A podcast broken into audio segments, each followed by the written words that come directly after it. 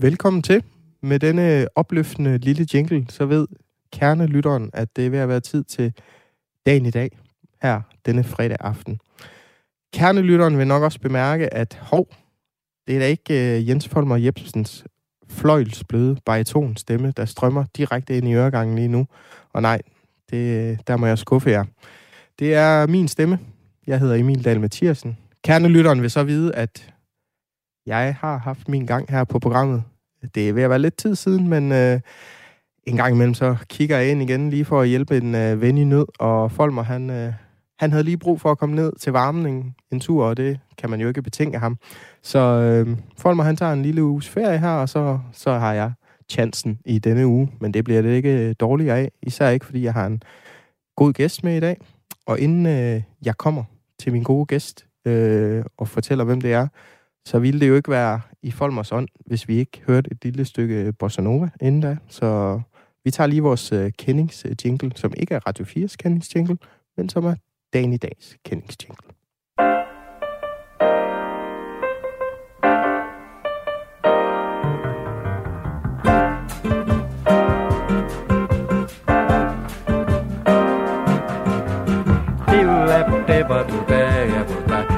be da bu da da bu da to be bo da bo be da bo da bo be yo be da be da be ba ba de do be ba ba de do da ba ba de do be ba ba de do da ba da be ba da ba bo be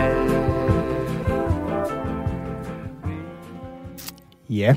Så blev vi spillet lidt varme af den gode Antonio Carlos Jobim i bedste Folmer ånd. Og det gjorde vi også, fordi jeg har en dejlig gæst med mig i dag, øh, som måske kan lide Bossa, øh, Bossa Nova, og måske kan lide Brasilien. Det finder vi i hvert fald ud af. Men øh, min gæst det er i hvert fald øh, Malene Oris. Velkommen til, Malene. Ja, tak skal du have.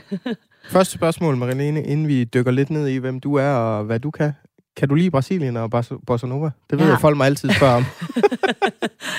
jeg har aldrig været i Brasilien, øh, så selvom jeg er uddannet øh, korrespondent i spansk, og godt kan det der sprog, vi kalder for portugnol, ja. når man er i Brasilien og kun kan spansk, øh, så er jeg faktisk ikke... Øh, øh, det er ikke lykkedes mig endnu at få, at få et eller andet lavet derovre. Nej, og nu ser du endnu. Er det noget, der er på ønskelisten i forhold ja. til at... Ja, det er det.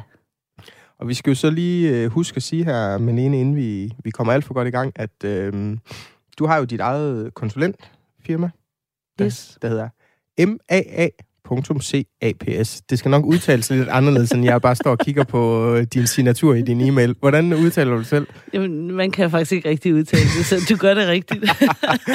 Jamen, det er godt.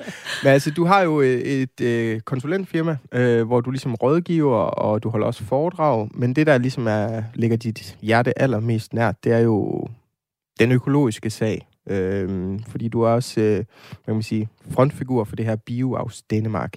Kan du ikke lige prøve øh, at sætte os lidt ind i, hvad er det egentlig, når du møder ind på kontoret, hvad er det så, du bedriver tiden med? Ja, jo, øh, det kan jeg, og det, er også, det har også altid været en meget svær ting at forklare, men altså, det jeg kalder mig, øh, sådan overordnet set, det er jo det, jeg kalder for eksportrådgiver, det vil sige, jeg øh, tager ud og, og taler med nogle øh, virksomheder, som producerer øh, hovedsageligt jo øh, økologiske øh, fødevarer, men det kan også være andre specielle fødevarer. Øh, ikke tilsat sukker, eller bare noget plantebaseret, som jo er meget op i tiden i øjeblikket. Og, og så tager jeg ud og fortæller om øh, de markedsmuligheder, som de her virksomheder har, når de tager til Tyskland. Jeg har specialiseret mig i at vide noget om Tyskland og det tyske marked. Og siden øh, 2015, hvor jeg kom lidt på afveje i Japan, så er Japan så også blevet øh, et af mine fokusområder. Så Tyskland og Japan er de to markeder, som, øh, som jeg ynder at komme ud og fortælle, at jeg ved noget om. Ja. Inden vi hører nærmere omkring, hvad det så er, du laver i Tyskland og Japan, hvordan, hvordan fandt du vejen ind i det her med ja, både eksport, men også særligt med økologi? Altså så tilfældigt, som det overhovedet kan være, øh, vejen opstår når vi går på den, ja. kan vi godt lide at sige. Så er der en veninde. Det så jeg faktisk var dit motto på din hjemmeside. Præcis så er der en veninde, som øh, spørger mig en dag i er det 1998, Malene, er der ikke noget med, at du er god til regneark? Og det er faktisk sådan, det hele starter. Så øh, den her veninde hjælper jeg så med at lave regneark, og det, der viser sig, at hun skulle bruge de her kompetencer til, det er, fordi hun sidder og laver et feasibility study for Danida, øh, hvor der er en stor øh, dansk øh, virksomhed, som øh, sælger øh, varmvandsrejer til hele verden. Hmm. Men i Vietnam, der er der så en fabrik, som skal sortere dem. Så de skal lave et joint venture, og så har hun så fået til opgave at skal lave det her feasibility study. Og øh, der øh, søger hun nogle penge hos øh, Danida. Jeg var med til at skrive den ansøgning, og så, ja, så tog det ene det andet. Og øh, vi fik en score, det gjorde vi på den, det gjorde vi på næste ansøgning også, og næste projekt også. Og så, ja, så fik han chef øje på, at jeg kunne et eller andet. Og så blev jeg ansat i det her konsulentfirma og øh, begyndte at udvikle det, som vi i dag kalder for en strategisk marketingalliance. Og min strategiske marketingalliance, det blev så BioAus Stenemark. Hmm, ja. Og BioAus Stenemark, hvis man øh, begiver sig ind på, på hjemmesiden for, for jeres foretagende der, så kan man se, at der er ligesom en, en bred palet af forskellige producenter her, her fra Danmark, ja, primært økologiske. Øh, eller er det kun de økologiske, eller er der også nogen, der arbejder med det her med uden sukker der, eller er det kun økologisk, I arbejder med der? Vi arbejder kun økologisk i ja. Bioavs Danmark, og det giver Tænk, Det ligger også, også lidt i navnet. Det var derfor, jeg lige begyndte at tænke lidt over. jeg tænkte, det er fredag. det er okay. Nej, så man skal selvfølgelig øh, være øh, certificeret økolog, øh, økologisk producent for at kunne være, deltage i Bioavs Danmark, men det er ikke det er ikke det eneste, for det er jo ikke ligesom en forening, der henvender sig bredt til alle. Man kan ikke sådan bare udfylde en kontaktformular, så er du medlem, og så betaler du et medlemsgebyr. Altså, det er meget vigtigt, at vi i vores forening, at vi er, øh, at vi alle sammen synes, de medlemmer, der kommer der, at det, det er nogen, vi kan stå inden for, og nogen, vi kan rejse ud i verden med. Ja. Øh, og repræsentere Danmark og, og dansk økologi. Så det er, det er sådan set, øh, vi, vi har altså i Bjørns Danmark en lille vetoret. Okay. Så når der kommer nye øh, medlemmer til, som anmoder om medlemskab, så øh, sender vi det ud til, øh, til de øvrige medlemmer, og så har man så 14 dage, hvor man kan benytte sin vetoret. Okay. Det lyder nærmest sådan lidt logeagtigt. Øh. Jeg ved det, men... Øh, men det er vel love... også for at holde, hvad kan man sige, øh, standarden oppe og autenticiteten oppe omkring, at øh, hvad man ligesom repræsenterer, eller hvordan? Ja, nej. Øh, det er jo egentlig ikke, fordi vi vil være smagsdommer over for hinanden, eller øh, fordi, at vi vil kun lege med os selv og sådan noget. Det er faktisk fordi, at øh, vidensdeling er en meget, meget vigtig del i BioAus Danmark. Og hvis øh, der kommer medlemmer ind, som hæmmer vidensdelingskvotienten, øh, mm. så øh, udvander vi øh, ideen med, med netværket. Så øh, det er meget vigtigt, at dem, der kommer ind, at det er nogen, som man har lyst til at være nabo øh, til på messerne, eller man har lyst til at, at tage i hånden og drage til Tyskland og tage ned og mødes med kunder, eller at man har lyst til at stå ved siden af i vores brosyrer, når man skal øh, ud og vises frem. Ja. Og hvis vi skulle prøve at dykke ned, øh, nu var jeg jo inde og kigge tidligere, der var der i hvert fald nogle af ikonerne derinde, jeg, jeg kunne genkende sådan noget som Naturmælk og Tepstrup, som laver nogle meget glimrende gedeost. Øh, det gør de. Ja. Øh, er der ligesom nogen, som sådan er, hvad kan man sige, flagskibet, eller er det mere den her, at man viser bredden også øh, på producenterne? Det er meget centralt, det du spørger om der, fordi det er faktisk det, som hele den strategiske marketingalliance, den går ud på. Øh, oprindeligt, der delte vi den ind i det, vi kalder for elefanter, løver og gazeller. Og øh, øh, fordelingen af en strategisk marketingalliance, som fungerer, øh, skal være sådan, at øh, der er en eller to elefanter, og så er der øh, en 8-10, nu er der 42 medlemmer af BioAus Danmark, så må der gerne være en 12-15 løver, mm. og resten er gazeller. Okay. Og hvordan skal man forstå den terminologi? Ja. Spørger jeg så. den skal man forstå sådan, at hvis man har øh, en hel masse gazeller, det er sådan nogle startup virksomheder eller nogle mindre virksomheder. Det kan også være nogen, der har været i gang i rigtig, rigtig lang tid. Som for eksempel Tepstrup, øh, nu nævnte du selv Tepstrup, mm. øh, gedeosteri, der ligger ude i Vrinders. Øh, de laver jo fantastisk gedeost. Og øh, hvis man har en hel masse øh, gazeller, som virkelig laver gode øh, produkter og er meget innovative, og kommer med alt det nye før det nye, og med det nyeste før det nye igen, ikke? Mm. jamen så, øh, så har du øh, en flok virksomheder, som, øh, som øh, kunderne har lyst til at øh, mødes med. Ja. Og de er jo altså i høj grad meget attraktive over for, øh, over for kunderne, fordi at de jo øh, kommer med nyheder og sådan noget. Og alle har jo brug for at differentiere sig for, for hinanden ikke? i detaljhandlen i dag. Så derfor øh, har gazellerne altså den funktion, hvor at i den anden ende, øh, hvor vi har en til to elefanter, det er fordi, vi har, vi har behov for, at når vi tager ud i sådan en samlet flok, så har vi egentlig behov for, at vi har baglandet i orden hjemmefra. Det er faktisk meget svært at øh, promovere økologi i udlandet, hvis ikke vi har en regering eller nogen bagved, som synes, det er en god idé at gøre. Øhm, så, øhm, så derfor har vi også i Bio Stenmark øh, sådan et par elefanter der, øh, som kan sørge for, at vi har det politiske bagland i orden og sådan noget. Men elefanterne har så også ofte nogle meget lange øh, beslutningsprocesser mm. og kan være sådan lidt svære at, øh, at, at danse med i forhold til at få, få tingene gennemført. Ja. Øh, så derfor er det også vigtigt, at øh, løverne, og dem er der heldigvis øh, ved at være pænt mange af. Mm. Gazellerne bliver jo til løver efterhånden, ja, ja. ikke? Det er sjældent, elefanterne bliver det. Men øh, så, så har vi den der gruppe virksomheder, som har en hurtig beslutning, beslutningsproces, som har måske en egentlig eksportafdeling, som ikke tager sig af andet end at lave eksport, mm. og som øh, kan betale for varen. Lad os okay. bare sige det sådan. Ja. Så man, man kan man sige, den struktur, du ligesom riser op her, det er, at man også... Altså, det er vigtigt at have de der det er også noget, man tit hører i forhold til, når nogle af nogle store øh, har et stort renommé, så det bliver de også ofte omtalt som mastodonter, som jo i princippet er lidt et, et andet ord for en elefant. Ikke? Men det er vel det der med, at man har en eller anden form for rygdækning og har noget at have det i, når man kommer ud til, til det store udland, at der er noget, der, der er noget pondus bag, at så, så kan de egentlig hjælpe med at trække de andre producenter op. Ja, ja. det er mega vigtigt. Ja. Hvordan så, fordi jeg, jeg synes jo, det er interessant det her med, når I kommer ud til udlandet, nu snakker du primært det tyske marked, men også det japanske marked. Hvad bliver I så mødt af i forhold til, hvad kan man sige, den danske økologi og det danske landbrug? Fordi man kan sige, Danmark som et eksportland har jo øh, visse associationer med sig, når man tager til udlandet, ikke? hvis man snakker dansk design. Ikke? Det er der jo sådan en bred anerkendelse omkring, at det er der noget kvalitet og noget innovation omkring og alle de her ting. Hvordan bliver der kigget på, på den danske økologi, øh, når du drager til det store udland? Altså, vi har gjort vores hjemmearbejde, inden vi tager afsted. Og man kan sige, at øh, et, et, et godt og grundigt hjemmearbejde har faktisk også vist, at præcis Tyskland og Japan er to markeder, som er totalt klar til at tage imod danskerne.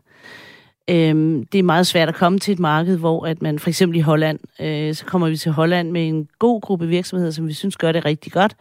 Og så siger de i Holland, ah, men altså, det kan vi meget bedre selv, så blive hjemme. og vi synes selv, at, ah, helt ærligt. Men i Tyskland, der øh, har vi faktisk et rigtig godt renommé, og det har vi også i Japan. Og det var det, der forbavsede mig i 2015, da jeg kom derud første gang. En god ven fra Dansk Industri inviterede mig med. Og øh, så tog vi ud og, øh, og lavede den første messe derude i 2015, og det viste sig at være en kæmpe succes. Altså, Øh, kunderne kom bare til de danske virksomheder, vidste i øvrigt, hvor Danmark lå på landkortet og sådan noget. Det var også noget, der forundrede mig meget. Mm. Øh, kendte rigtig meget til, øh, til Danmark som, øh, som turistland, ikke? altså som land, man besøger, den lille havfru og så videre. Øh, og det i sig selv skaber jo sådan en situation, hvor du er to skridt foran. Ikke? Altså du mm. skal ikke til at forklare dig ja. først, øh, at vi er altså ikke hovedstaden i IKEA eller mm. noget andet. Ja. Øhm, så de vidste godt, hvad vi ligesom stod for, og øh, alt det her med øh, nordisk og renhed og øh, transparens og korte ingredienslister og sådan noget, mm. det var de godt klar over. Mm. Så, så hele det der, det var, det var sådan set sprunget over. Det var der, jeg besluttede mig for, at Japan kunne sagtens gå hen og blive det nye Tyskland. Okay. Altså. Og hvis vi nu dvæler lidt ved Japan her, Malene, mm. fordi hvis man lige skulle spille djævelens advokat lidt, så kan man ja. sige det her med det økologiske landbrug sat over for det konventionelle landbrug, det er jo ofte øh, det miljømæssige, der bliver talt op og alle de her ting. Hvordan harmonerer det så med, man, når man snakker eksport og så videre, skal fragte noget økologiske fødevarer så langt som til Japan, som mm. ligger langt væk fra Danmark? Hvordan, hvordan gebærder jeg i forhold til sådan nogle ting? Ja, altså der er virkelig mange elementer i den der diskussion. jeg vil nøjes med lige at nævne tre. Den ene er, at øh, transport og food miles i det hele taget betyder faktisk uendelig lidt i det regnskab. Altså det, det, det er under en procent. Mm. Det betyder uendelig lidt. Så hvis du skal øh, udregne dit øh, carbonprint på en, et produkt, så, øh, så står transporten altså for meget lidt af det. Mm. Den anden ting er, at det stiller krav til den danske fødevareproducent om at være mere innovativ. Altså for eksempel, hvis man, øh, hvis man fremstiller øh, beverages, eller hvad hedder det, saftevand, eller mm. sodavand, eller sådan noget, ja. kunne man gøre det på en ny og anderledes måde, sådan så at vandet ikke skal fragtes med. Ikke? Altså fordi det er så snart, vi har noget, øh, noget produktion med meget vand, så er det jo, at det bliver lidt farligt. Ikke? Mm. Øhm, og der synes jeg faktisk, at de danske producenter er meget gode til at finde på løsninger, og... Øh, også at bosætte sig i Japan, ikke? eller at etablere sig i Japan med øh, datterselskaber, som producerer. Ikke? Sådan, mm. Så man tager ud til Japan, og så mødes man med den japanske kunde, og så øh, øh, finder man ud af, jo, der er et marked, jamen fint, så regner vi på det, og kan det svare sig måske at etablere sig i Japan, og så lave sin produktion der. Mm. Og så kommer de know-how så fra, fra Danmark, eller der kan være nogle ingredienser eller råvarer, som, øh, som ikke kan produceres i Japan. Okay. Så er det også en mulighed. Og den tredje? det er altid der faren ved, når man indledningsvis nævner, at man vil sige tre ting, og man kommer efter nummer to og ikke kan huske den tredje. ja, så skal flyet, så, så skal flyet jo også fyldes op den anden vej. ja. vi holder den ved det der, Malene. Ja, det er godt. Det er bossa nova Ja, lige præcis. Inden vi, inden vi kommer til, til lidt andet øh, musak, inden vi går over til nyhedsstrømmen, fordi det er jo faktisk også det, vi skal snakke om i dag. Så kunne jeg godt lige tænke mig at trække sådan lige på det allermest aktuelle i forhold til dit virke. Du er lige kommet hjem fra Køln, var det ikke det, vi blev enige om? Rigtigt. I forhold til en stor øh, fødevaremesse dernede, ja. øh, som jo er også en stor del af dit virke. Hvordan var den oplevelse, og hvordan, hvordan indspiller det ligesom i det, det du, du arbejder med? Jamen altså, øh, vi var ret høje, øh, da vi tog derfra, og også efter dag et. Øh, det, det er jo en meget vigtig messe for Bivårs Danmark, skal jeg lige hilse at sige. Altså, så det er, øh, det er jo verdens største fødevaremesse, og det er et sted, hvor der kun er en halv til økologi, så det er også et sted, hvor at vi i hvert fald er ret sikre på at få en masse gode besøg.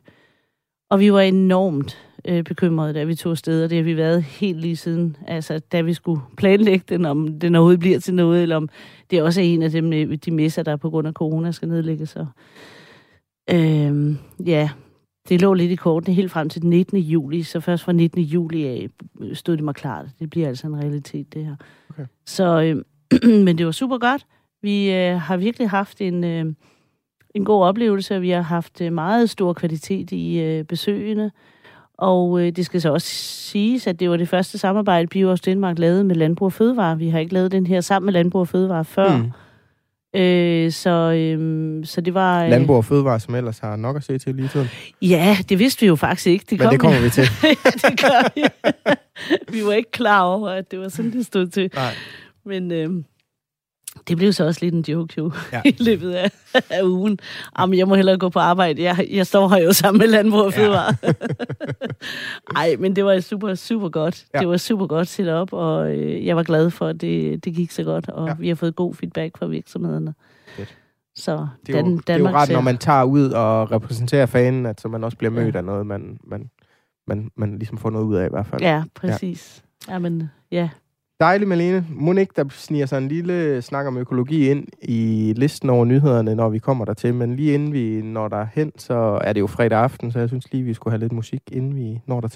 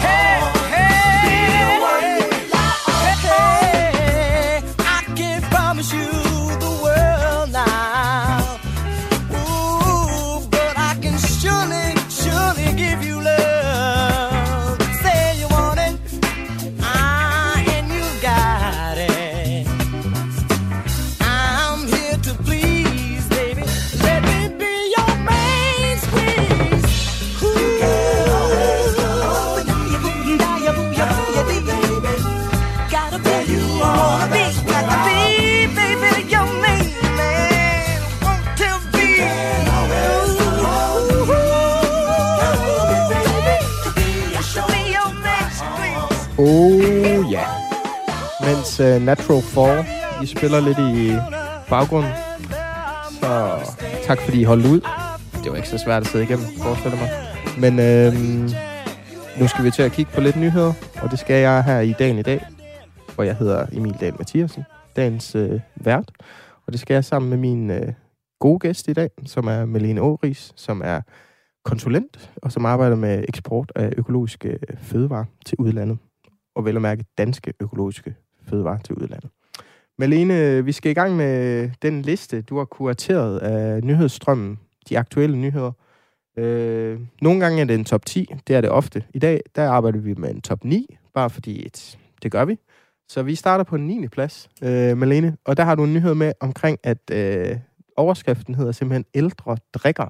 Øh, og det er simpelthen det her med, at øh, hverdagen for mange ældre mennesker, der, der er ligesom kommet en ny rapport fra Region Sjælland, der peger på, at øh, der er flere ældre mennesker, der ligesom tager de her feriedrikkemønstre med ind i hverdagen, hvor man slapper af i ferien, får måske et ekstra glas rødvin.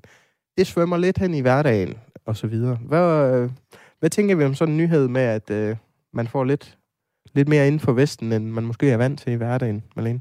Jamen, det tror jeg er meget rigtigt.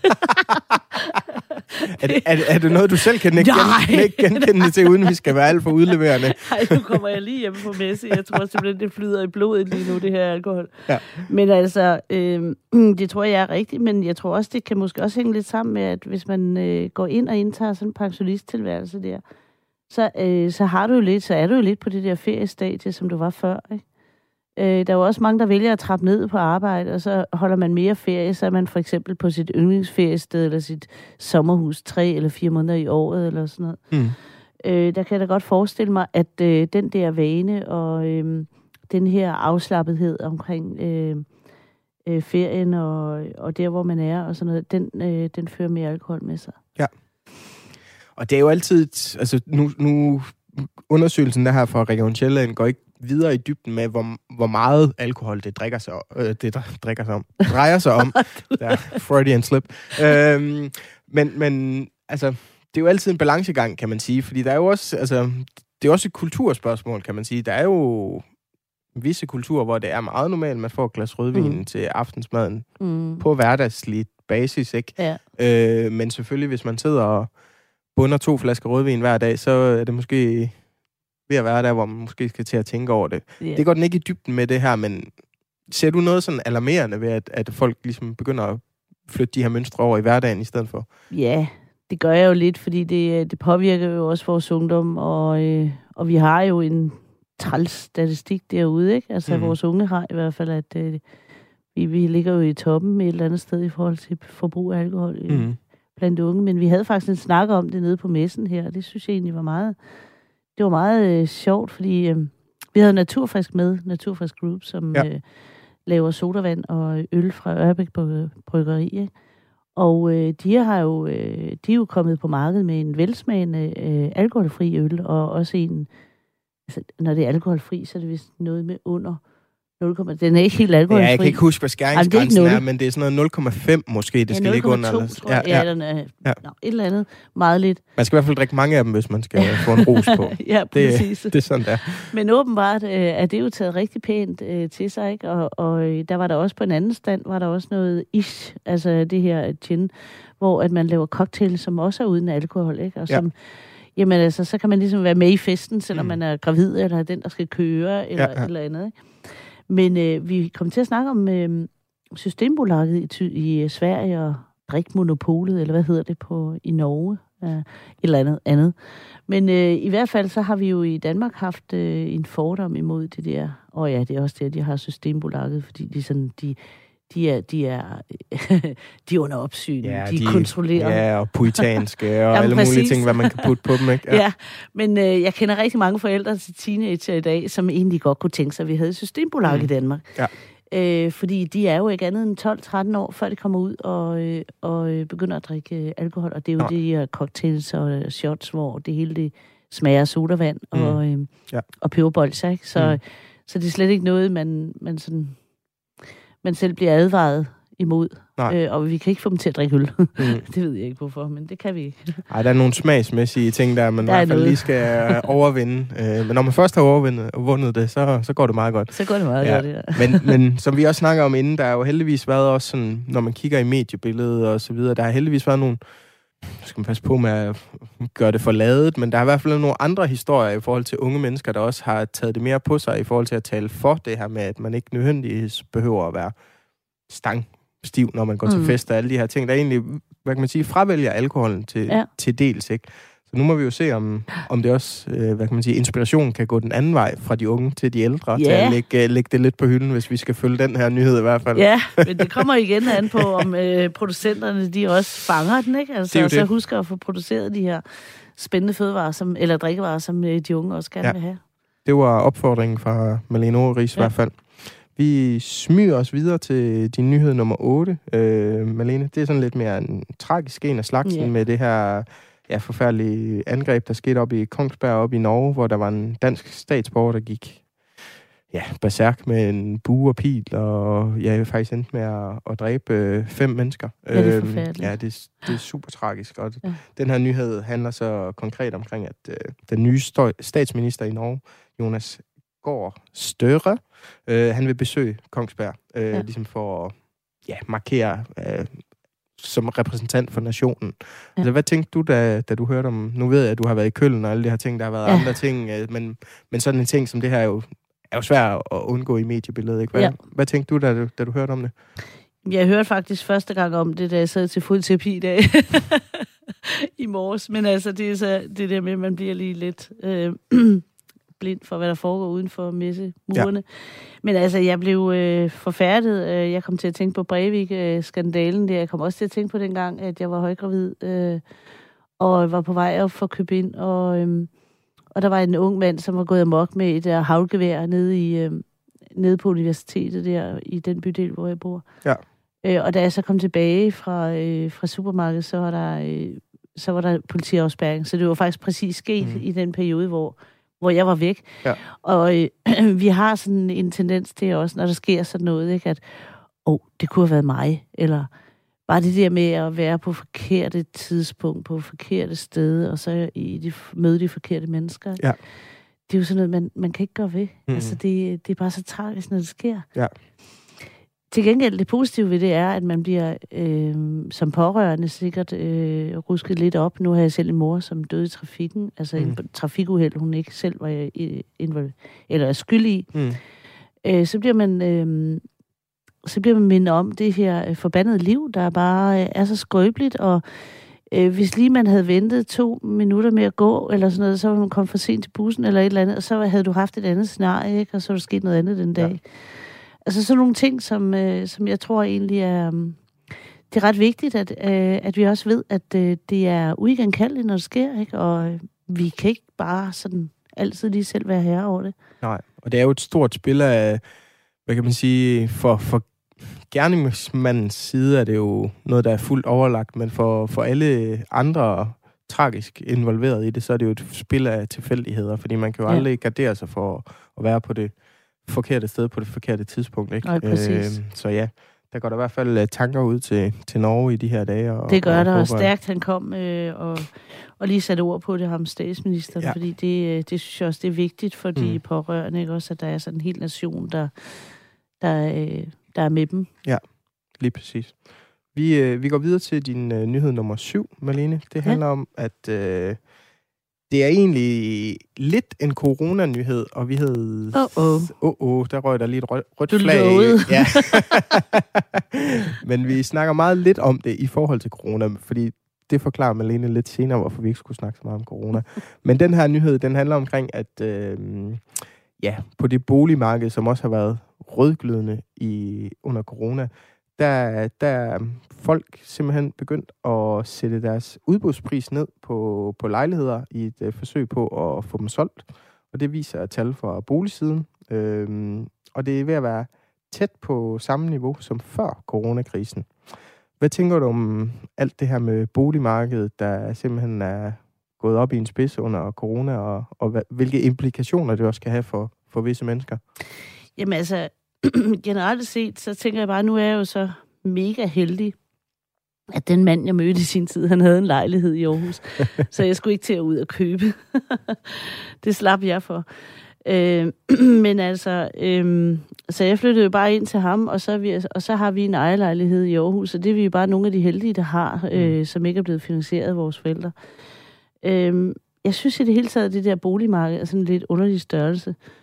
Øhm, og øh, uanset om du sætter prisen ned, eller du sætter den op, så bliver det kunstige priser, som ikke afspejler markedet mm. øh, som sådan, øhm, som man kommer til at arbejde med. Og jeg synes, øh, Aarhus er jo betændt efterhånden af lejligheder, som ejes af forældre og lejes ud til mm. deres børn. Og, ja.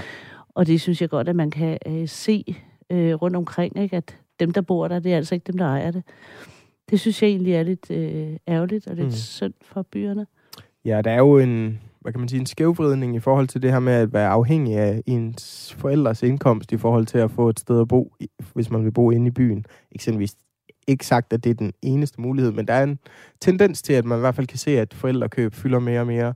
Ja. Øh, og generelt folk med normale indkomster, siger jeg i godseøjen her, har sværere og sværere ved at etablere sig, i hvert fald på ejerboligmarkedet, ja. inde i byerne. Ikke? Så der er i hvert fald nogle nogle konsekvenser af, at markedet ligesom bliver skubbet så højt, ja. som det gør. det er øh. virkelig, øh, det ses meget tydeligt i den bydel, jeg, jeg kommer fra, Trøjborg, ja. som jo var det gamle arbejderkvarter i Aarhus, øh, og derfor selvfølgelig fyldt med mange små lejligheder og sådan noget. Ja. Ikke?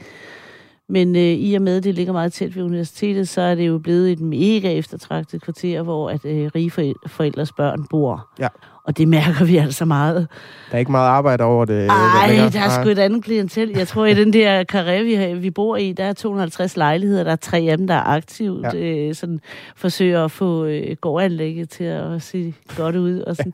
altså, det de ja. skulle... Øh, de er bare vant til, at der er nogen, der gør det for dem, ikke? Mm. Og der er også flere biler i kvarteret, end der har været før, så det her med, at de her rige forældres børn, der har deres boliger, og så har de så også fået en bil til rådighed, så de ikke skal køre, mm. øh, så de ikke skal gå helt hen til uni, der er jo halvanden kilometer, så kan de køre. Ja. det synes jeg også er virkelig, virkelig trist. Ja.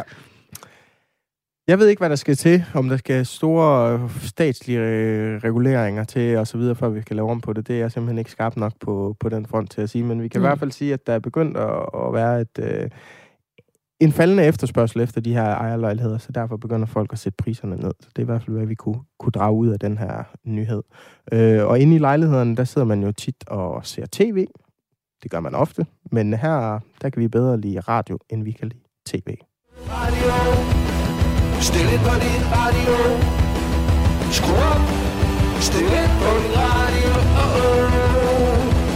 Der er gang i din radio. Skru op på din radio. Stille. Skru op for din radio. Oh, oh. Yes. Og der er gang i radioen. Det kan vi godt sige. Og det er der her i dagen i dag, hvor mit navn er Emil Dahl Mathiasen, og jeg har besøg af Malene Åris, der arbejder med eksport af økologiske fødevarer til udlandet. Øh, Malene, vi er kommet til nyhed nummer 6. Det er en hurtig en, kan jeg lige så godt øh, hurtigt afsløre, øh, men det er en lille finurlig øh, nyhed. Og den handler omkring, at øh, der er et kunstværk af den her britiske gadekunstner, skråstreg provokatør, øh, der hedder Banksy, øh, der er blevet solgt på en auktion i London til hele 163 millioner kroner. Øh, og det er et værk, der hedder Love is in the Bin. Øh, og det var et ret sådan omtalt værk, da det kom frem i 2018, hvor det var øh, på auktion også øh, hvor der var et billede, og så indbygget i rammen var der ligesom en mekanisme. Jeg kan ikke huske, om det var da hammerslaget lød, eller det var under budrunden, eller hvad det var. Men da det i hvert fald var godt op i pris, så provokatøren Banksy havde ligesom installeret en mekanisme, der gjorde, at øh, billedet makulerede sig selv øh, så, så sejt. Så hvordan det færdige værk, der er blevet solgt nu igen, ser ud, det ved jeg faktisk ikke, om det er bare papirspåner, eller hvad det er.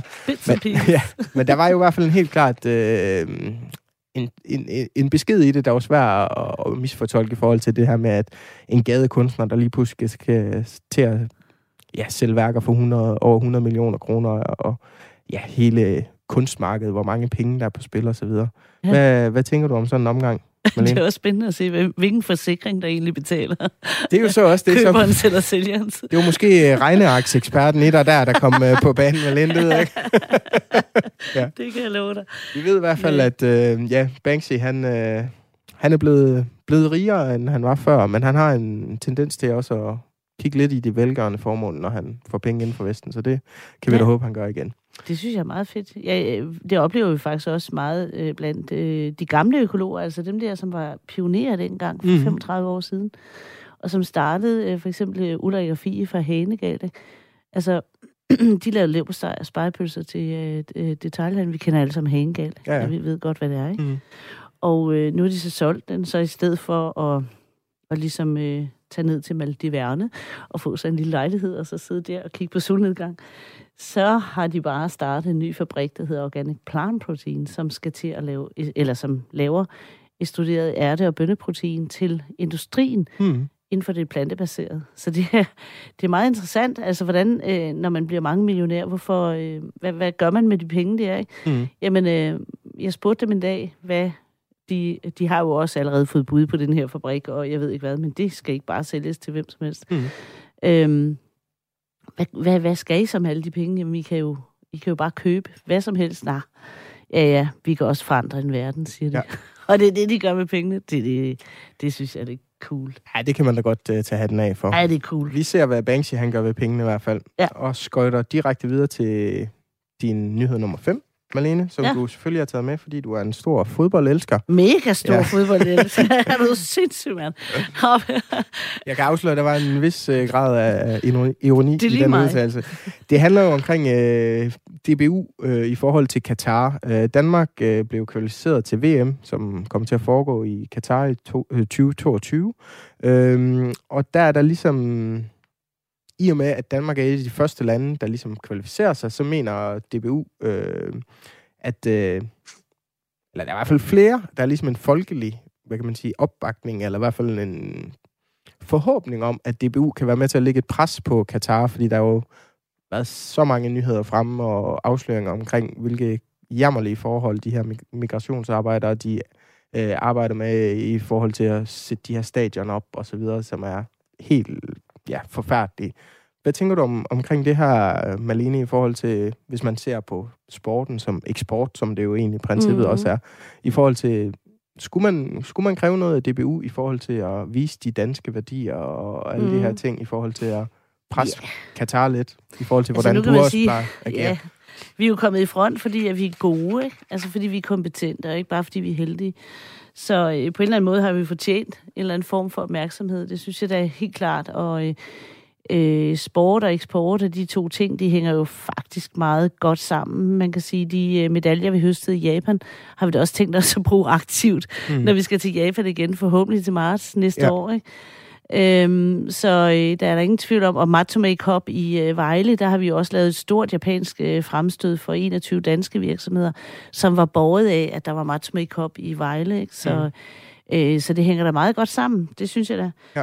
Øhm, så det skal, det, det skal vi da. Jeg har da ikke nogen forhåbning om det. Jeg mener, at Katar har da en øh, forpligtelse i forhold til at give os øh, al det eksponering, vi kan få. Mm.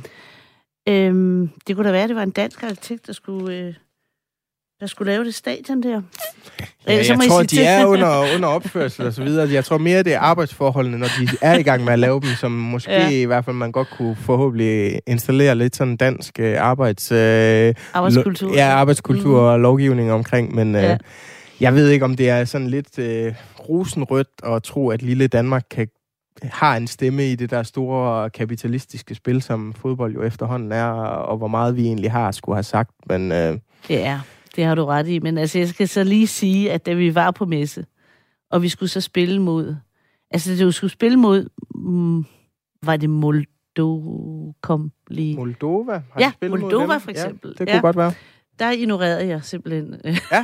at det ville man hellere, end man ville have netværksmiddag. Så det, okay. det, det kørte vi bare igennem.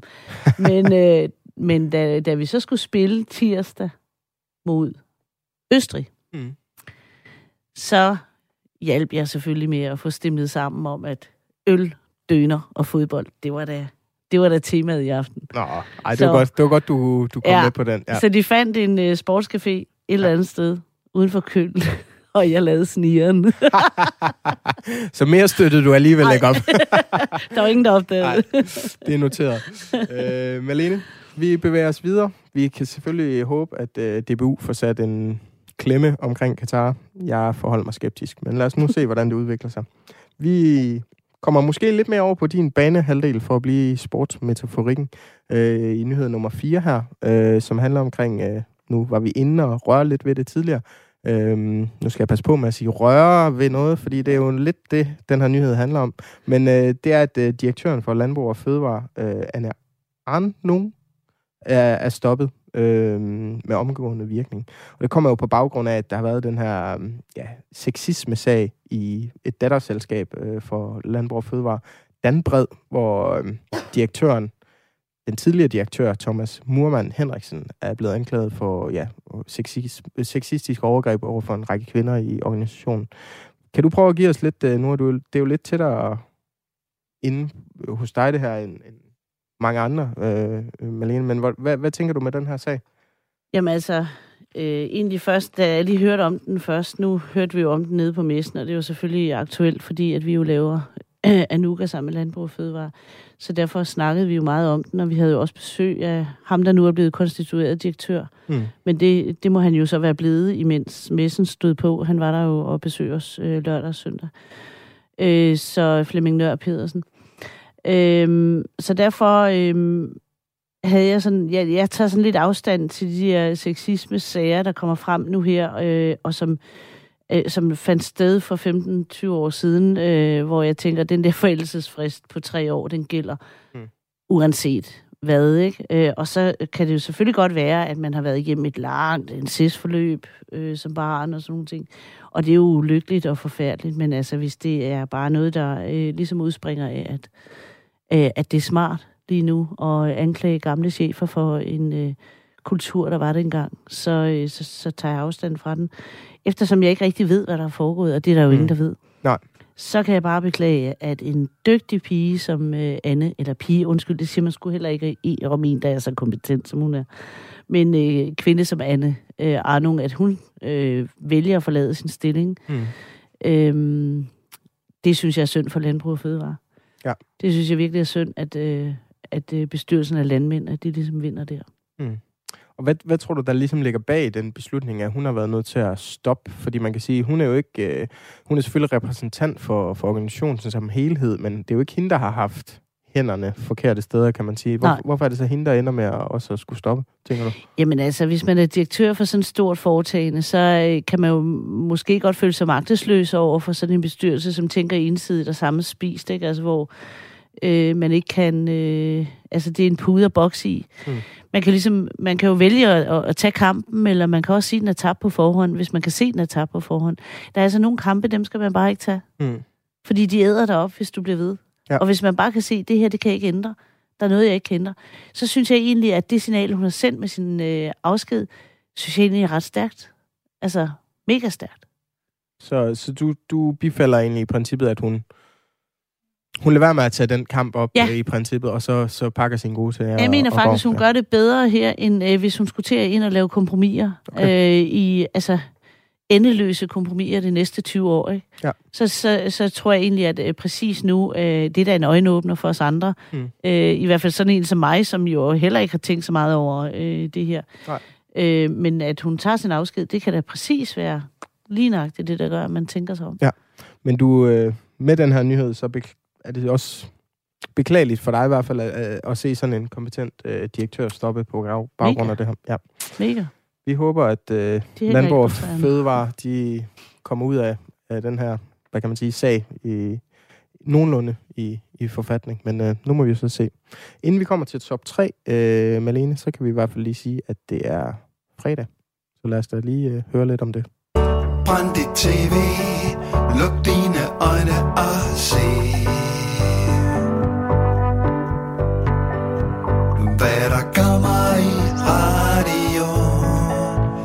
Første fredag i jul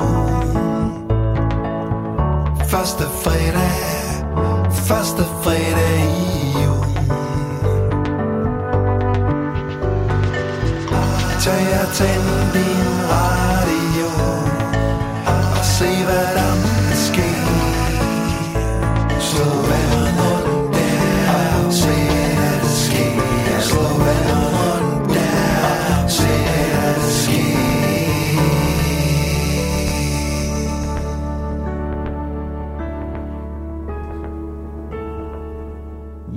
vi står jo på den første fredag i ugen øh, endnu en gang.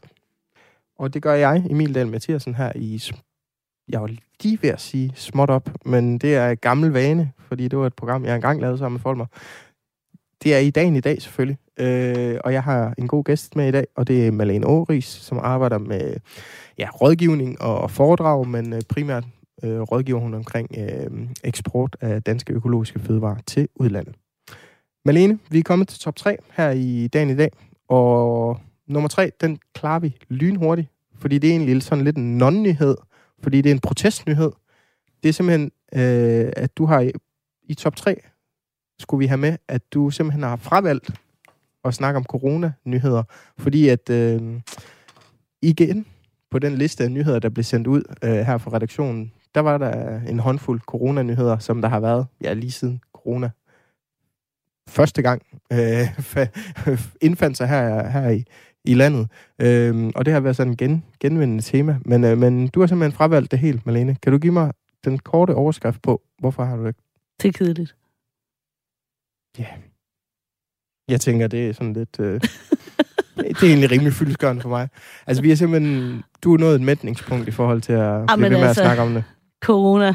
Ej, jamen, øh, det der med at se øh, ellers fornuftige folk miste snusfornuften, det er faktisk øh, tragisk.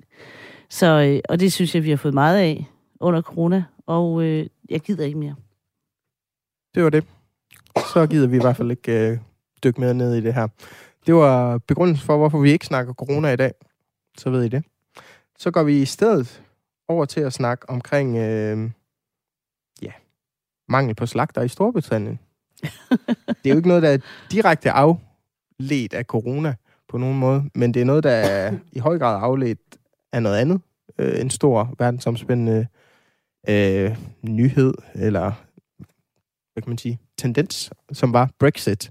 Øh, du har jo for nylig været i, i England, øh, Malene, mm. så du, du tog den her med højt op på listen med den her mangel på, på slagter, der er pt. over i Storbritannien. Ja. Hvorfor, hvorfor synes du, den skal være helt oppe i toppen, den her? Jamen, det synes jeg faktisk, fordi det er...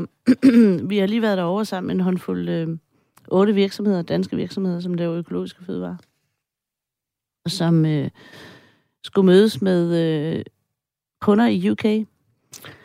Og øh, øh Brexit blev pludselig et meget øh, øh, nærværende øh, problem. Og det vi så derovre, synes jeg også var virkelig nærværende, og øh, på mange måder noget, som jeg tror, englænderne ikke som sådan kunne forudse dengang, de valgte øh, EU fra. Nu skal det lige sige sin parentes bemærket, det var altså kun en halv England, der valgte EU fra. Mm. Den anden halvdel gjorde ikke. Og øh, man snakkede meget om det på messen, og øh, havde virkelig, virkelig lyst til, at øh, vi skulle øh, binde bånd. Øh, og havde lyst til, at øh, vi skulle vi skulle blive ved med at handle. Men altså, der er mange ting, der sker derovre i øjeblikket. De har virkelig svært ved at tiltrække arbejdskraft i alle mulige mm. sektorer. I servicesektoren, i transport, i logistiksektoren og Ja, og fordi det den her, den her konkrete nyhed, der, der er den britiske øh, regering, de, de har været nødt til at give 800, øh, 800 udenlandske slagteriarbejdere sådan et hastevisum på 6 måneder, simpelthen fordi der er sådan akut mangel på, yes. på, på ja, slagterimedarbejdere derovre, så man kan virkelig sige, øh, det brænder. Det brænder ja. derovre lige nu. Og det gør det. Ja. Og det gør det virkelig. Altså, øh, så det kan virkelig stoppe meget handel øh, for englænderne, mm. og jeg tror ikke, at man har tænkt over den her konsekvens Nej. dengang. Er det noget, du har mærket til i forhold til mm, hvad kan man sige, de kunder, du rådgiver og så videre, og, og bare generelt din agering omkring eksport? Er, er der sket en markant hvad kan man sige, besværliggørelse i forhold til at handle med, med England efter Brexit? Ja, det er der, fordi at, øh, vi skal opfatte England nu som tredje land. Mm. Øh, som et tredje, tredje eksportland, og det er, der er jo ingen tvivl om, at det er nemmere at handle med EU-lande, end det er med tredje lande. Ja. Men nu har mange af de øh, virksomheder, jeg arbejder med, de har jo i forvejen øh, eksport til Norge og Schweiz for eksempel, og så nu også Japan. Ikke? Mm. Øhm, så det er ikke noget, der sådan, øh, på den måde kommer bag på dem, at der er nogle flere papirer, der skal udfyldes, og nogle øh, produktporteføljer, der skal mm. beskrives og sådan noget. Øh, men det er der. Øh, der er så også nogle dygtige shippingfolk, som øh, har specialiseret sig i at gøre det, så man kan jo betale sig fra det, og så få det fikset. Ja. Men, Men det er jo øh, stadigvæk en yderligere omkost, som ja, man ikke havde det. før, ikke? Ja. Det er det, og der er også nogen, som har haft øh, et virkelig stort fokus på England, fordi England, det engelske marked, har måske taget 20-25 procent af deres mm. eksport. Ja. Øh, og, for, og der kan jeg da huske dengang omkring Brexit, at de hørte jo nyheder hver gang der var noget om Brexit. Mm. De fulgte med. Ja. Hvornår sker det, og hvornår kommer de her nye, øh, de her nye procedurer osv. osv. Ja. Det er slet ikke på plads endnu. Det er et stort kaos i øjeblikket. Ja, og vi må se, hvornår der, der kommer løsning på det. Det store kaos, der går nok lang tid, går jeg forestille mig, hvis der nogensinde bliver en løsning på det. Men vi må da håbe for, at de får ja, løst det her problem, akutte problem, de står overfor med manglen på slagter, i forhold til, at der ikke er dyr, der går rundt, som i princippet er slagtemodende, som ja, bare går eventuelt skal aflives til ingen verdens nytte. Ikke? Ja, eller også skal de prøve at spise noget andet end pattegris, jo. Så kan det være, at de skal prøve at finde ud af, hvordan en so smager. det kunne være et andet uh, råd. Malene, vi tager simpelthen uh, din nyhed nummer et nu, fordi vi er kommet hen mod slutningen af programmet. Ja. Det passer med, at vi lige kan runde den, fordi vi kunne snakke om det her i lang tid også stadigvæk, men uh, jeg vil gerne lige have, at vi, vi berører uh, nyhed nummer et, som handler omkring, at en tredjedel af Europas fuglearter er på tilbagetog. Uh, tilbage tog hedder det mere. Øh, hvorfor har du den med på førstepladsen, Malene? Jamen det har jeg, fordi at øh, det er i høj grad et symptom. Altså på, at der er noget, der er rivende galt et eller andet sted. Der er altså nogle økosystemer, der ikke virker i øjeblikket. Og øh, der er et landbrug, som står over for en, øh, en omstilling. Altså, vi er simpelthen nødt til at gøre noget. Og vi kan ikke bare lade som ingenting. Øh, øh, det drejer sig jo øh, fortrinsvis om enge og havfugle, og det øh, giver jo helt sig selv, at øh, det er fødegrundlaget, øh, der forsvinder for dem. Mm. Det er deres redder, der bliver ødelagt, når der bliver høstet, og den slags der. Altså, øh, vi, kan, vi, kan ikke, vi kan ikke ignorere det. Vi kan Nej. ikke sidde det overhøre i. Der er noget, der foregår over på Amagerfældet i øjeblikket, det ved jeg, om du har lagt mærke til. Jo. Det var ikke med i nyhederne, men det er, det er noget, som jeg synes, altså som jeg i hvert fald har støttet øh, med rigtig meget. Mange penge og købt mm. mange emblemer, og jeg ved ikke hvad, og delt rundt øh, i familie og vennekredse. Og jeg gætter på, det er bevaringen af Amagerfældet, du har Det er præcis støttet. det der. Ja. Det er det, jeg støtter. Øh, det handler så om vandsalamanderen, men mm. det er jo i høj grad også lærken, ja. øh, som, øh, som er udsat der. Øh, der vil så ske det selvfølgelig, at den vil finde et nyt sted at være, mm. men det er så også bare vigtigt, at der er nogle zoner, vi ligesom bare lader være i fred. Ja. Sådan så at de her dyr, de kan, de kan blive ved med at, at formere sig og, og, og reste i Danmark. Altså, øh, der er jo mange af vores fugle, som, som jo kommer nordfra skal sydpå, og som mm. rester i Danmark. Ja. Imens de rester, så, så, så, øh, så, fjer, så øh, lægger de den gamle fjerpragt af, og, og så får de nye fjer, imens mm. at de venter på, at de bliver flyvedygtige igen. Ja. Og øh, hvis de ikke kan finde føden, så forsvinder de. Så øhm, ja, så det den, er meget vigtigt. Den store løftede pegefinger, som vi egentlig slutter af med her fra Malene Oris, det er, at vi skal, vi skal tænke over, hvordan vi forbruger, men også hvordan vi agerer i forhold til ja, vores landbrug og vores, øh, hvordan vi egentlig bare vores omgang med miljøet. Det er godt. Yes. Det tager vi som de sidste ord, øh, Malene. Mange tak, fordi du kom og var min gæst i dag. Jamen selv tak, og tak fordi jeg, jeg blev inviteret. ja, selvfølgelig. Jeg vælger at spille et afslutningsnummer, og det var sådan lidt taget ud fra, at jeg tænkte, åh, hvad kan jeg spille, der lige vil passe ind til Malene kom, og temaet og så videre. Så tænkte jeg, økologi hedder jo organic på engelsk, organic, noget der er organisk. Der findes ikke noget musik, som er mere organisk end bluesmusik. Så her kommer lidt af den største danske stemme på blues-scenen i Danmark. Big Creek Slim. Det er godt. Ha' en god fredag derude.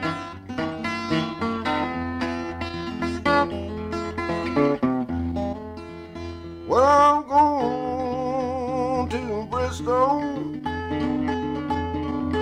Gonna have a real good time.